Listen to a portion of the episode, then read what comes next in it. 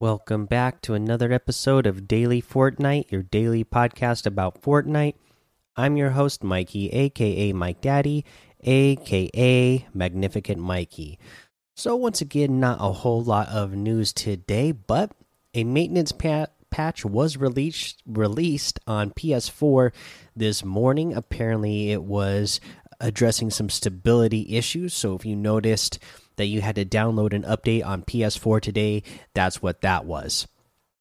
Other than that, uh, not any other news. So let's get into our uh, Battle Pass challenges, week 10, the final week of uh, challenges. So you need to dance on the Apres Ski dance floor for 10 seconds. You need to destroy shipping containers at Dirty Docks, 7 in total. You need to search chests at the Authority, 7. Eliminations at Misty Meadows, you need 3. You need to collect fireflies from Weeping Woods, 5 in total. You need to deal damage to opponents with shotguns or SMGs, 500 total. And then there's another one of the uh, team recommended challenges where you need to deal damage to opponents with shotguns or SMGs, 15,000 in total. Okay, so uh, again, some pretty straightforward ones, but uh, you know, let's give you a tip for the collect fireflies from Weeping Woods. Most of the time, when you're going to find fireflies, they're going to be actually out in the woods. So you, it's not likely that you're going to find fireflies like close to the buildings or anything. You actually go out in the forest and look. And also remember, the fireflies they only appear when the when it is like in the evening or at nighttime in game. So when it's dark outside in game, that is when you can find the fireflies. You're not going to find fireflies in the middle of the day when it's bright in the game. So if you're you know looking for them and you notice you look up in the sky and it's all like blue skies and bright uh, that's not the time to be looking. So you know you don't have to waste your time doing that challenge at that time because you're not going to find the fireflies. Uh, let's see here guys. Uh, let's that's all the challenges. So let's go ahead and take a break here all right, let's go over today's item shop. And again, all the Batman packs and items and everything that's been in here the last few days are still in here. So go check those out. The new Derby Dynamo Challenge pack that we got yesterday, it is still in here and that is a pack that I absolutely love, especially you know that 1,500 V bucks. Again, just with all the items get you get plus that 1,500 V bucks makes it worth it for sure.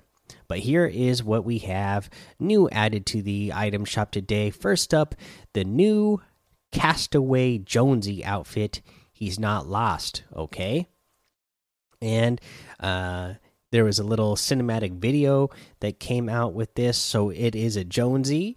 Uh, he's just got on some real tattered shorts uh, and some sort of handkerchief around his neck. You know, his beard is grown out medium length, his hair's uh, looking long. He's looking, you know, a little bit sunburnt and scrawny and uh yeah like you know like like he like he's a castaway like tom hanks you know in the video he grabs a flare gun shoots it up in the sky and accidentally shoots down a uh the battle bus and gets the victory royale.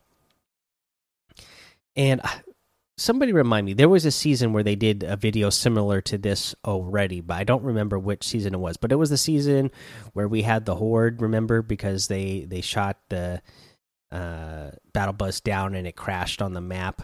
Just uh, I just can't remember what season it was. Somebody remind me. Uh, but anyways, this uh, Castaway Jonesy outfit is 800 V bucks. We have another new outfit, the Kalia outfit. Uh, the Island Warrior has arrived. Part of the Island Warrior set, it comes with the Wind Shell backbling. If you listen close, you can hear the waves. This is 1,200 V bucks, and uh, yeah, I I actually really like it. I like all the colors and everything. I, I I'm guessing this is supposed to be some sort of like Moana inspired type of deal here. And then you have the Tropic Axe Harvesting Tool, a part of this Island Warrior set as well. Chop tropically. Uh, this is 500 bucks, and I actually really like this harvesting tool. I like the the pink, yellow, and blue that it has on the axe itself. I like the feather on it. Uh, I just really like it. Uh, I might end up having to get this one myself. Uh, again, that was 500 V bucks. You have the uh, Arc outfit with the Arc Wings backbling for 2000, the Divine Wrap for 500, the Virtue Harvesting Tool for 800, the Evil Eye Harvesting Tool for 1200, the Malcore outfit with the Malcore Wings backbling for 1500.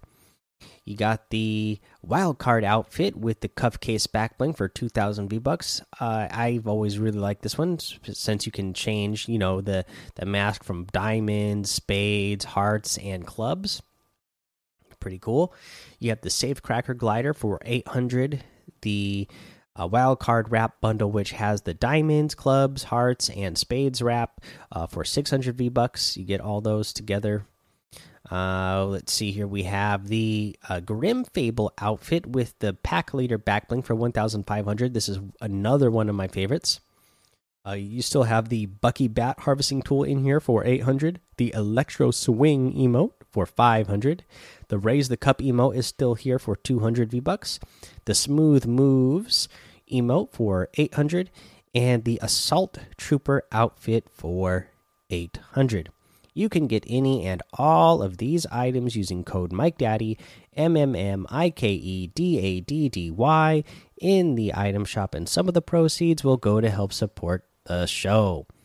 Okay, so for our tip of the day, I don't know if you guys have seen the clip of this or seen people doing this, but there is that one house at Salty Springs that you could break into the garage, uh, the roof of the garage, and there's a chest in there, and then there's another.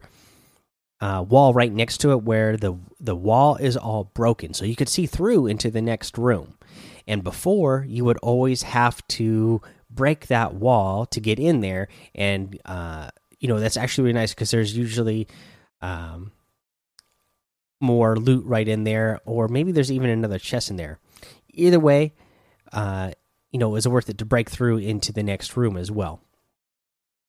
And they updated it uh, so now you don't have to break the wall anymore. That little gap in the wall where the wall is all broken, you can crouch down and crawl through into the next room. So you can get through there even faster, get your loot even faster. So that could give you an advantage uh, for, you know, landing there uh, at the always sweaty, salty springs. So take advantage of that and uh, get yourself some loot really fast and uh, hopefully that'll help you take out the enemies that land in that area with you uh, fast as well Alright, guys, that's the episode for today. Go join the daily Fortnite Discord and hang out with us. Follow me over on Twitch, Twitter, and YouTube. It's Mike Daddy on all of those.